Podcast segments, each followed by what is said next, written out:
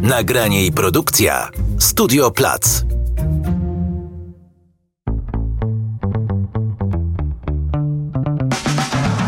Cześć, tu Krzysiek Grzyman. Słuchasz Zielonego Podcastu, czyli rozmów o przyszłości i klimacie.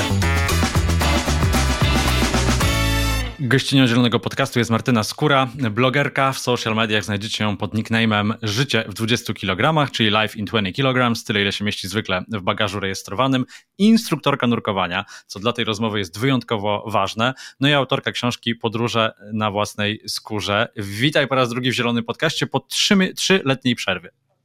E, dziękuję bardzo za zaproszenie. Ja e, właśnie o takich tematach, których dzisiaj będziemy poruszać, mogę mówić cały czas, także trzy lata minęło jak wczoraj. Bardzo się cieszę, że jesteś. Słuchaj, jaka nieoczekiwana zmiana miejsc. Tym razem to ja jestem daleko, a ty jesteś w Polsce. Przypadek, no nie wiem. tak to bywa. E, chciałem z Tobą dzisiaj porozmawiać o rafie koralowej, bo jeżeli ktoś słuchał naszej pierwszej rozmowy, to tam temat rafy koralowej się już pojawił, ale ponieważ w tym roku e, pierwszy raz tak się zdarzyło, że zanurkowałem, zrobiłem ten certyfikat, zszedłem pod ziemię, e, pod wodę, nie pod ziemię, nie, chociaż kiedyś w kopalni też byłem, ale to nie, to nie na tę rozmowę.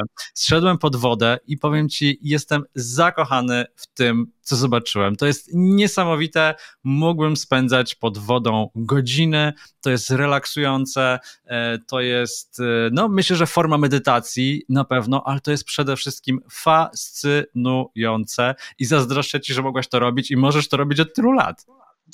E, po pierwsze, bardzo się cieszę, że taka jest Twoja reakcja na nurkowanie, a po drugie, e, trochę mnie to nie dziwi, bo nurkowanie rzeczywiście jest, e, jest jedną z najbardziej relaksujących rzeczy, jakie w życiu doświadczyłam. To jest dokładnie taka podwodna medytacja, bo jesteśmy tylko my i oddech. No i to, co można zobaczyć pod wodą, to jest fascynujące, a y, oceany pokrywają ile? 80, 70% y, e, powierzchni, no to my jako nurkowie mamy ten przywilej zobaczyć tą część świata, której większość ludzi jednak nigdy nie zobaczy. Ale wiesz, te, te, te, ryby, które pływają, niesamowite i w ogóle ich różnorodność przepiękna i kolory cudowne. E, te żółwie wielkie, które sobie nurkują, świetne, ale rafa koralowa, no to jest po prostu kosmos to, co powstało, w ogóle rafa koralowa jest na, najstarszym typem ekosystemu y, Ziemi i to, co możemy zobaczyć, no głównie między zwrotnikami, ale nie tylko, schodząc nawet już kilka metrów pod wodę, to jest niesamowite, a te korale, czy koralowce, to jest tak naprawdę trochę taka infrastruktura dla tego życia y, pod wodą, to są trochę tacy, no może bardziej nawet inżynierowie, no bo, bo, bo, bo one żyją y, tego, co się, co się pod wodą y, dzieje. No tak, zdecydowanie, bo to jest tak skomplikowany ekosystem, że y, każda nawet najdrobniejsza część, najmniejszy element ma tam znaczenie. I to są, to mogą być struktury e, różnego rodzaju. Jak będziesz więcej nurkował i podróżował po świecie, to zobaczysz, że potrafią być rafy barierowe, potrafią być ściany koralowców, a potrafią być też takie po prostu wystające kawałki rafy gdzieś tam w środku oceanu. Mogą się tworzyć tunele pod spodem, małe jaskinie e, i w zależności masz, możesz mieć mnóstwo, wiele rodzajów twardego koralowca, miękkiego koralowca, y, gąbek, y, czegoś tam. Także y, wszystko jeszcze przed tobą i rzeczywiście to jest no, to jest no nie do opisania. To jest po prostu tak cudowne. To, to, jest nie do opisania i myślę, że nawet jeżeli ktoś zobaczył mnóstwo filmów, czy to na YouTubie, Netflixie, czy gdziekolwiek indziej, e, to dopóki nie zejdzie sam pod wodę i tego nie zobaczy tak. na własne oczy, to jest naprawdę, no to jest, tak. to jest coś wyjątkowego. No ale nie spotkaliśmy się tutaj tylko po to, żeby sobie e, poopowiadać i e, Jak ja, żebym się podzielił twoją akceptacją, a ty, żebyś mogła posłuchać, bo dawno nie mogłaś ponurkować w miejscu, gdzie, gdzie jest Rafa, ale trochę też spotkaliśmy się przede wszystkim po to, żeby porozmawiać o tym, jak zagrożona jest rafa koralowa. Jak się spotkaliśmy trzy lata temu, to się wymieniliśmy badaniami. Ja czytałem o tych, gdzie informacja była taka, że według analiz do 2100 roku te wszystkie ekosystemy mają zniknąć. Ty mówiłaś, że spotkałaś się z badaniami, według których do 2050 roku to ma się mhm. wydarzyć. E, no a tak naprawdę teraz według najnowszych badań to już połowa raf koralowych, tych ekosystemów nie istnieje, a z tych, które pozostały, kolejna połowa może zniknąć do 2000 czy zamrzeć do 2035 roku. To strasznie mhm. smutnie, strasznie przerażające, ale też bardzo niebezpieczne tak naprawdę z punktu widzenia ludzi, bo refa koralowa ma bardzo różne funkcje. Ona nie tylko daje schronienie, pożywienie organizmom, które żyją pod wodą, ale też na przykład chroni nas przed tym, żeby wielkie fale nie zalewały y, wybrzeża.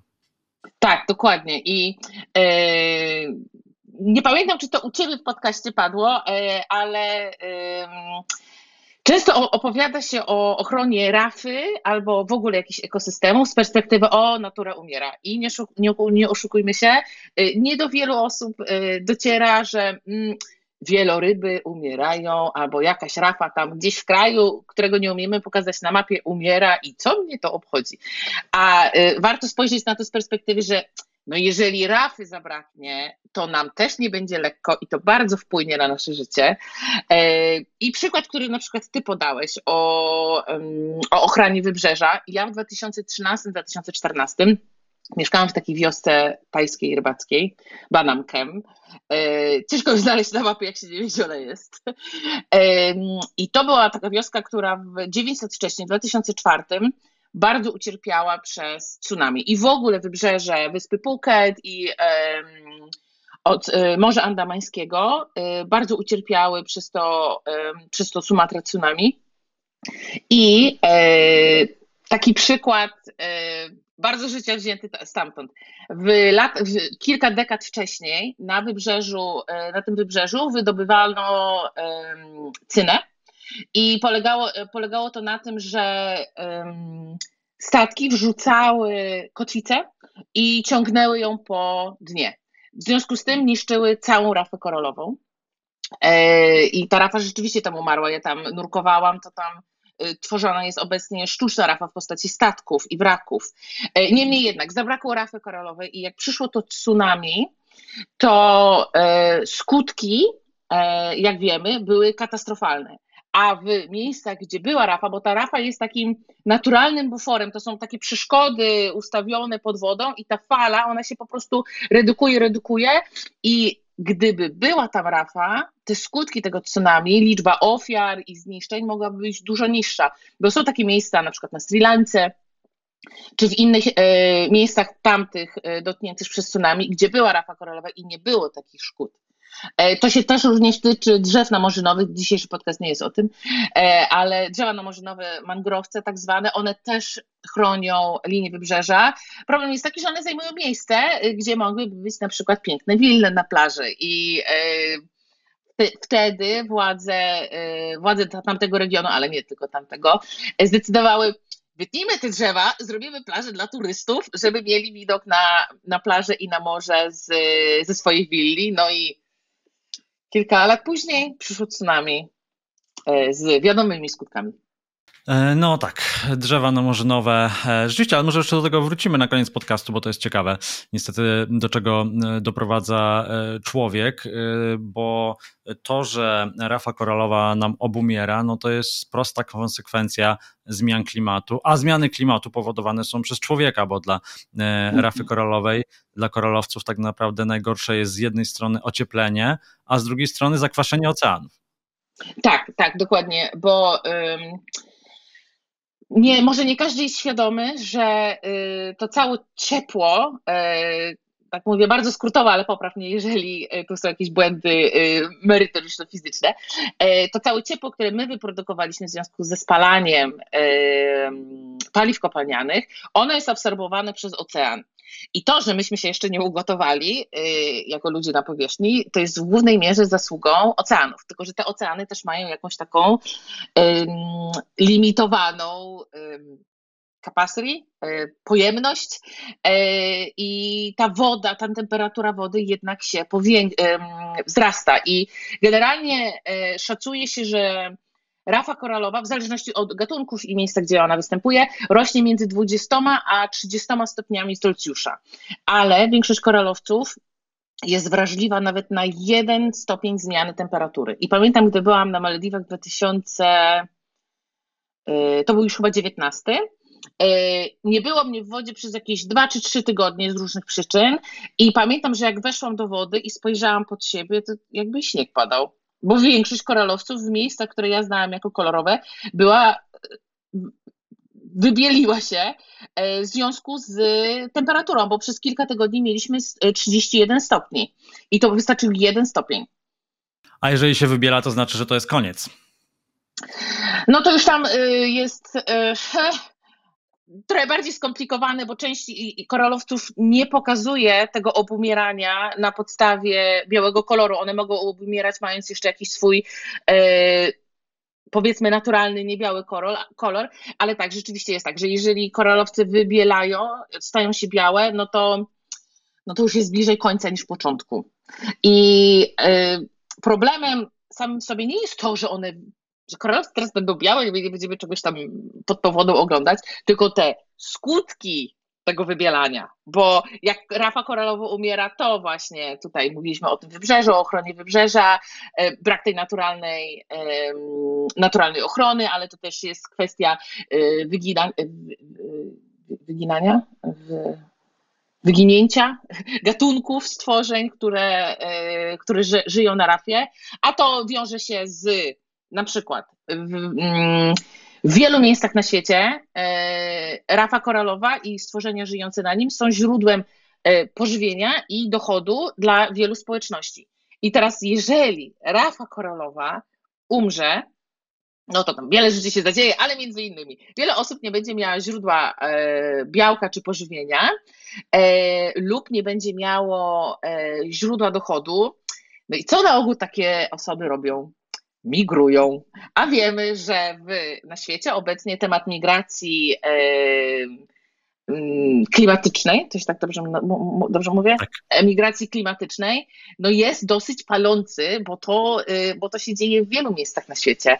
E, plus do tego, jeżeli e, braknie rafy koralowej, to następuje również e, szybsza erozja wybrzeża. No to zabiera nam wybrzeże.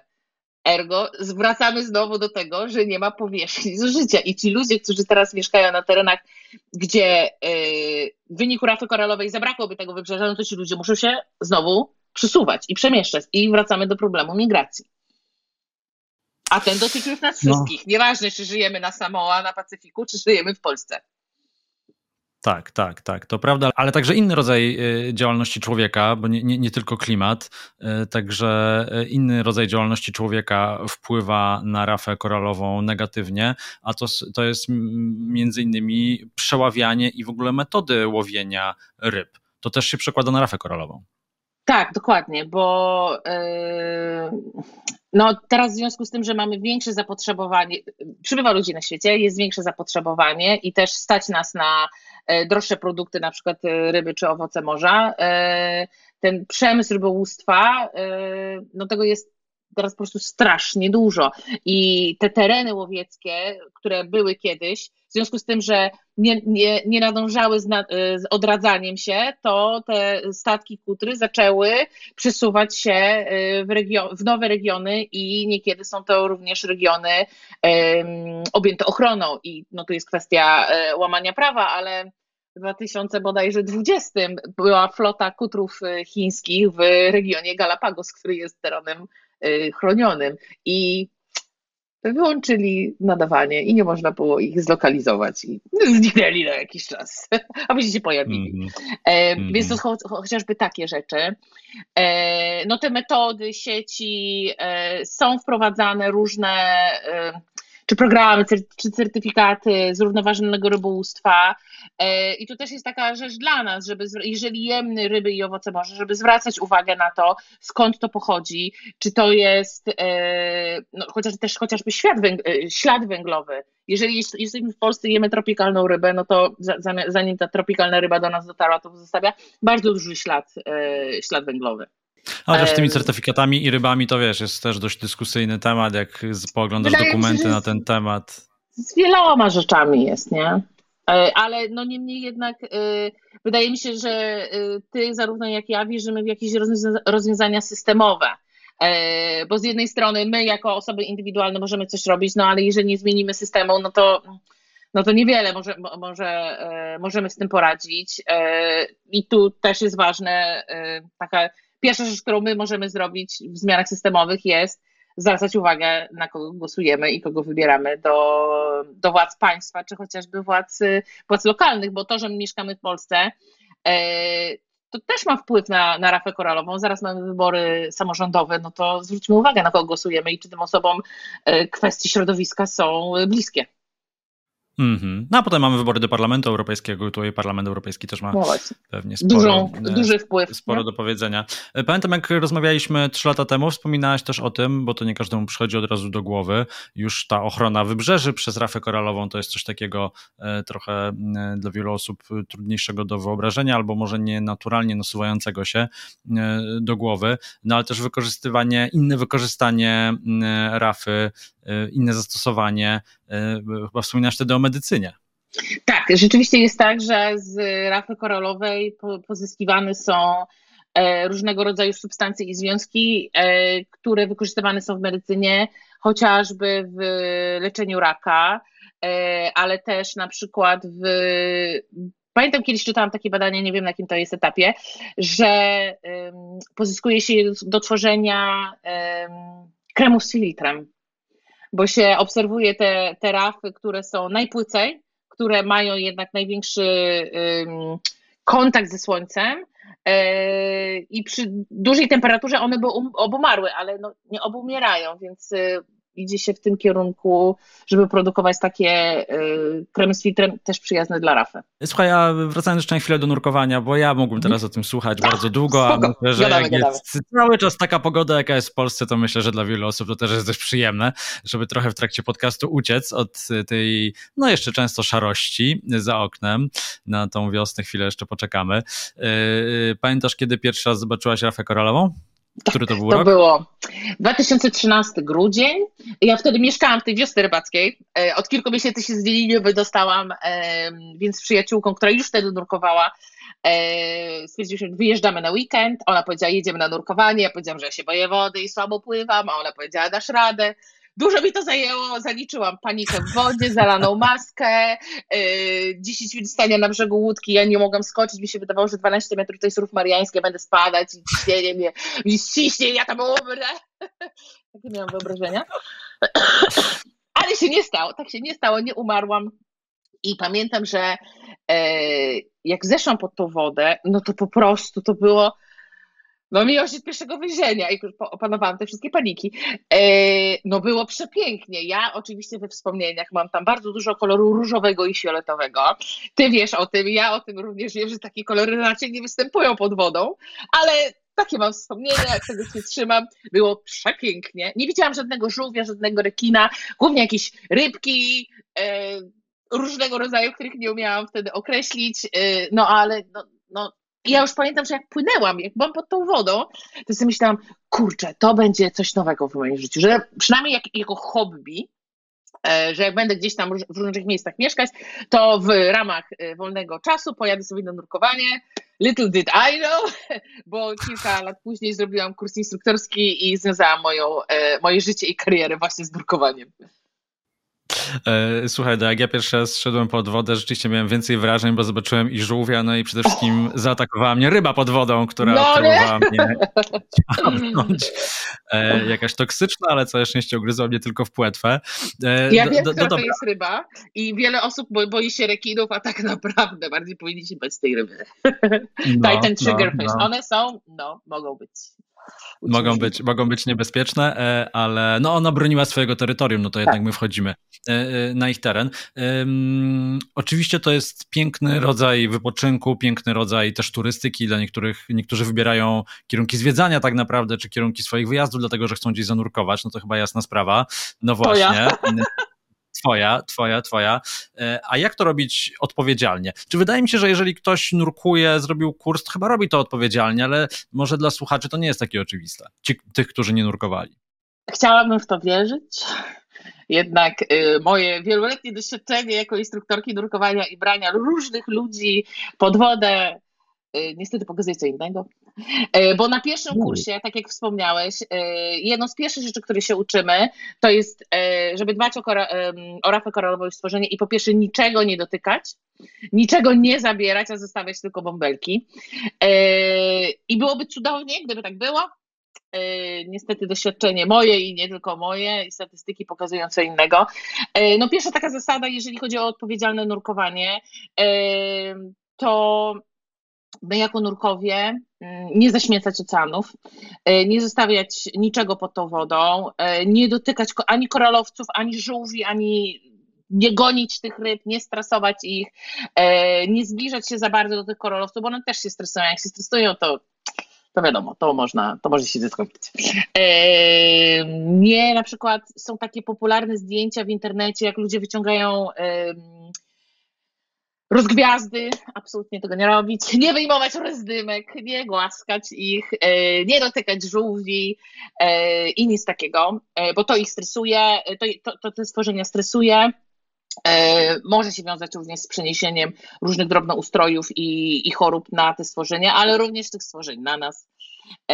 Nie dotykać również koralowców, ponieważ są, jest tak, tak zwany fire coral, nie do końca wiem, jak on się nazywał po polsku. On jest po prostu parzący, jak my dotkniemy, to się, e, on, on nas oparzy i to jest takie naprawdę uciążliwe to oparzenie, ono może się długo goić.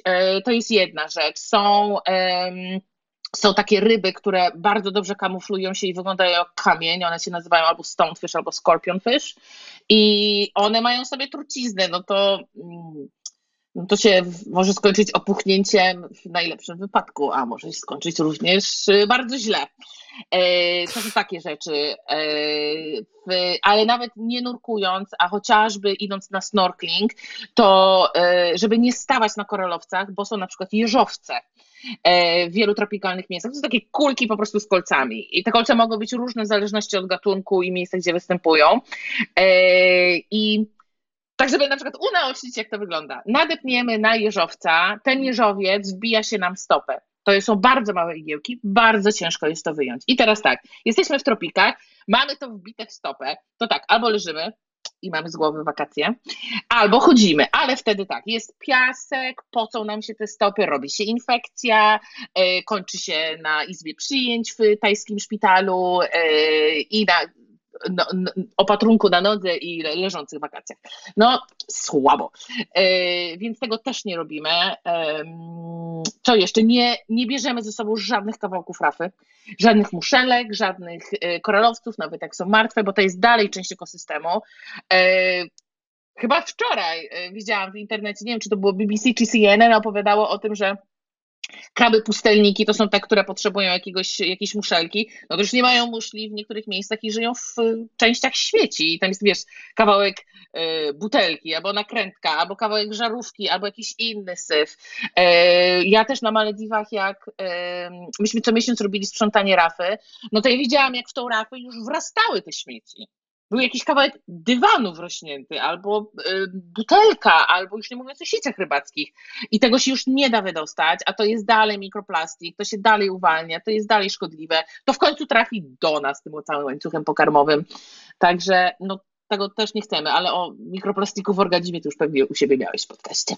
Tak to jest z tym naszym y, indywidualnym nurkowaniem i z wami instruktorami, na tak szerzej patrząc na całą turystykę i wpływ turystyki na rafę koralową, no sobie wyobrażam, że jednak będzie pewnie negatywny, no bo tutaj masz te łódeczki, które podpływają z paliwem, z silnikami różnymi, pewnie niektóre nieszczelne, no mm, kurczę, chciałoby się, żeby było inaczej, ale chyba jest jak jest.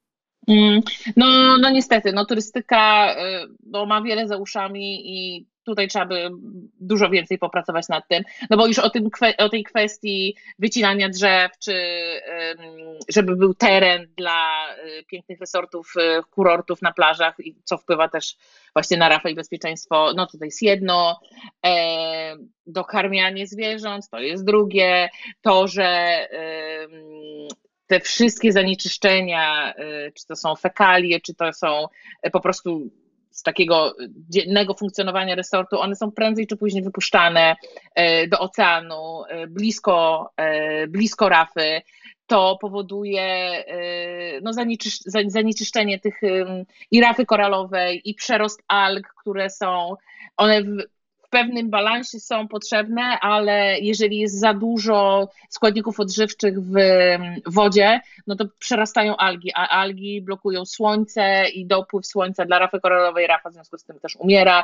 Niektóre algi mogą być trujące i toksyczne, e, ale również Jakiś czas temu czytałam taką e, wypowiedź specjalistów na temat ataków rekinów, które coraz częściej pojawiają się w, w mediach, chociażby w Hurgadzie. E, pomijając fakt, że rekiny bardzo rzadko atakują, to się zdarza w wyjątkowych sytuacjach, bardzo rzadko, tylko my o tym słyszymy, bo to jest takie medialne. E, long story short, e, jedna z teorii e, mówi też o tym, że rekiny przez jakiś, przez ten swój czas swojego życia miały swoje tereny, gdzie znajdowały swoje pożywienie. Ale w związku z e, podniesieniem się temperatury wody, te wszystkie ryby, inne stworzenia mniejsze, którym łatwiej jest migrować, e, przesuwają się powoli w troszeczkę chłodniejsze wody. W związku z tym rekiny na tym swoim pierwotnym terytorium mają dużo mniej możliwości do polowania i one przesuwają się coraz bliżej, e, coraz bliżej wybrzeża. Dlatego te wypadki, które się teraz zdarzają, mogą być również spowodowane zmianami klimatu. A wspomniałeś na początku rozmowy o mangrowcach i o lasach namożynowych. To jest w ogóle niesamowite, że ktoś się decyduje je wycinać, podczas gdy one mogłyby po prostu przyciągać też turystów, żeby tam przyjechali. A tak. tymczasem się je wycina po to, żeby turyści mogli e, sobie willę kolejną wynająć. Tak, dokładnie. Ja pamiętam, jak pierwszy raz przyjechałam do Tajlandii i byliśmy na spływie kajakowym wśród rzek namorzynowych, no to było to było takie wyjątkowe. Ja nigdy czegoś takiego nie doświadczyłam. Te drzewa, one są takie, yy, to są takie ojeny, takie sieci po prostu. To nie jest, że jest, yy, tak jak u nas mamy drzewo, jest, yy, jak się nazywa, pień i tam kilka gałęzi. To jest bardzo rozrośnięta konstrukcja. Tam żyje bardzo dużo stworzeń, zarówno na powierzchni, jak i pod powierzchnią, bo w związku z tym, że jest tak dużo e, drobnych korzeni, to jest super miejsce dla, e, na schronienie, szczególnie dla młodych. Rekiny albo inne stworzenia składają tam jaja. E, tam jest taki żłobek i przedszkole. Tam się te małe stworzenia e, rodzą, wychowują i dopiero później off you go w ocean. Także one są, one są y, super, y, super schronieniem, no i też są, y, są atrakcją turystyczną. One chronią wybrzeże, tak jak mówiliśmy o tym tsunami. Także mm, no niestety jest ich też teraz mniej. Co prawda też się je sadzi, ale to też zajmuje czas, żeby one wyrosły. Słuchaj, to wróćmy jeszcze do tych dat, y, bo y, jak wspominałem w poprzedniej rozmowie, wtedy ja się powoływałem na badania, według których te ekosystemy raf koralowych zanikną do 2100 roku. Ty mówiłaś w 2050 o takich badaniach. No ja przeglądałem najnowsze i pojawia się 2055, że to będzie dotyczyło mhm. 99% ekosystemów raf y, koralowych. Mhm. No to powoduje, że jeżeli ktoś chce zobaczyć na żywo, no to się raczej musi pospieszyć. Um, no i szczególnie jak ma dzieci i chce, żeby jego dzieci to oglądały. Mm-hmm. Ale z drugiej strony są też działania, e, które mają pomóc e, zachować rafę koralową, dokładniej koralowce, e, takie próby zamrażania na różnych stadiach mhm. koralowców, po to, żeby później mieć taką bazę, z której tak. można skorzystać. To jest niesamowite ciekawe, niesamowicie ciekawe, jakby z dwóch perspektyw. Jedna perspektywa, no to czysto taka techniczno-technologiczna, jak to się dzieje, no a z drugiej strony ciekawe jest to, że sami do tego doprowadzamy, bo zmiany klimatu klimatu mają źródło u nas, czyli u człowieka, a potem mhm. my musimy wymyślać techniki na to, żeby zachować rafę koralową, którą sami e, której sami się pozbywamy, czy do której e, pozbawienia się, do, do, do, której e, eliminacji doprowadziliśmy. E, no tak, tak, dokładnie. Ja nie znam, nie znam, że tak powiem, tej technologii zamrażania, bo też nie jestem specjalistką, ale e, w te wakacje byłam na Spitsbergenie, gdzie widziałam e, bank nasion z całego świata. Również służy temu samemu. Widać, że no, ludzie są świadomi, że ta natura jednak obumiera i trzeba by ją jakoś zachować. Są również inne metody, które są stosowane albo próbo, e, są podejmowane próby e, zachowania rafy. Na przykład w wielu miejscach na świecie sadzi się rafę. E, czyli przesadza się kawałki rafy w miejscach, gdzie tej rafy nie ma, albo tworzy się sztuczne rafy, na przykład jak powiedziałam u wybrzeży Morza Andamańskiego w Tajlandii, to są e, zatapiane statki, one oczywiście są wcześniej przygotowane, czyszczone i tak dalej, i tak dalej, więc one raczej nie, samą swoją obecnością nie szkodzą, a mają, a mają pomóc ale dalej nie rozwiązuje to problemu y, temperatury, no bo jak, nieważne, czy jednym, na jednym kawałku plaży jest taka, y, jest taka rafa, a na drugim nie ma i tam posadzimy, jak woda ma te same warunki, no to tam średnio, y, średnio to pomoże.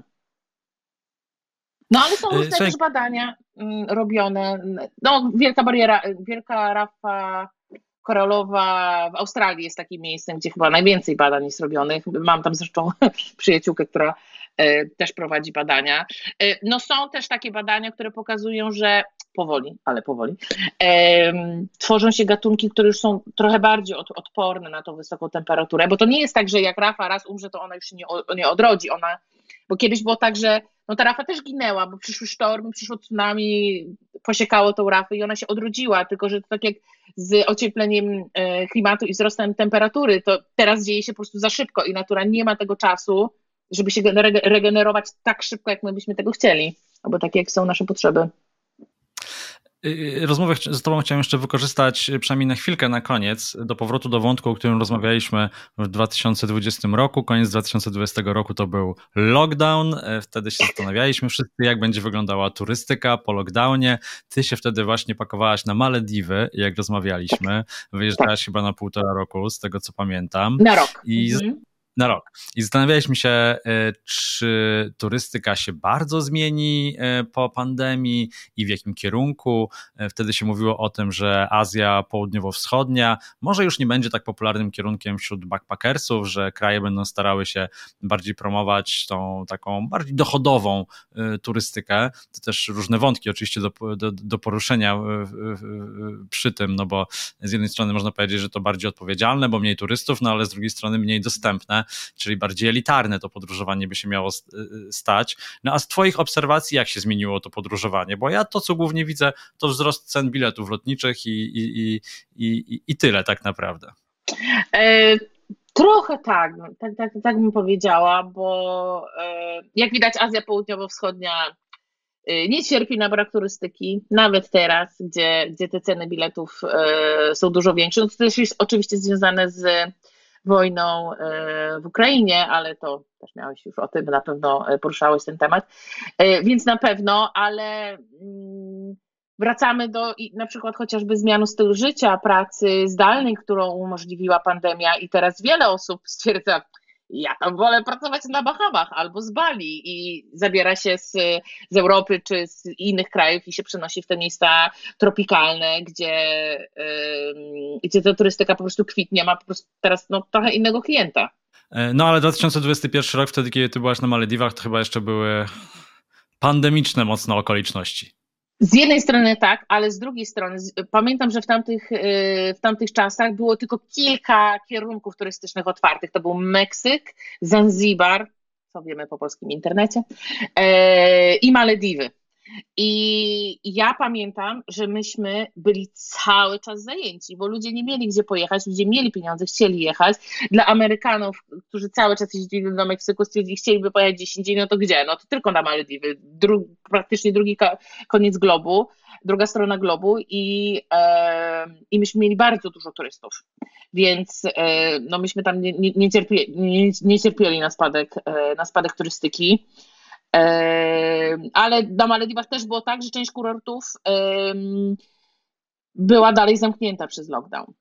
Bo to były na przykład te kurorty o troszeczkę niższym standardzie, w związku z tym ta grupa docelowa z różnych powodów nie mogła podróżować, ale osoby z zasobnym portfelem, to tam czy to pandemia, czy to lockdown, to nie robiło.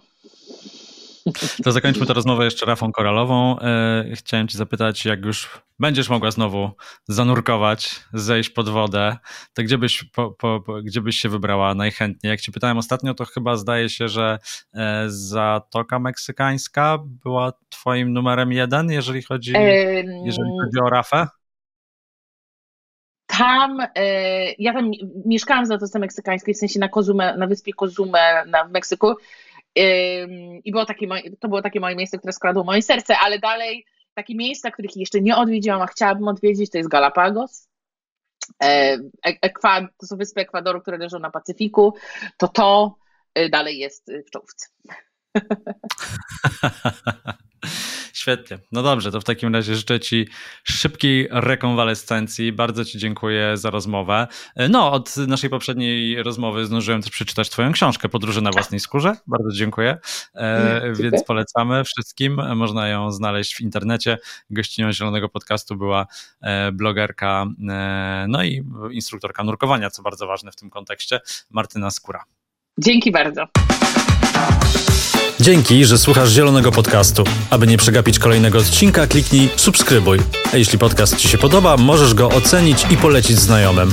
Znajdziesz mnie także na Instagramie, LinkedInie i na Facebooku. Krzysiek Grzyman, do usłyszenia.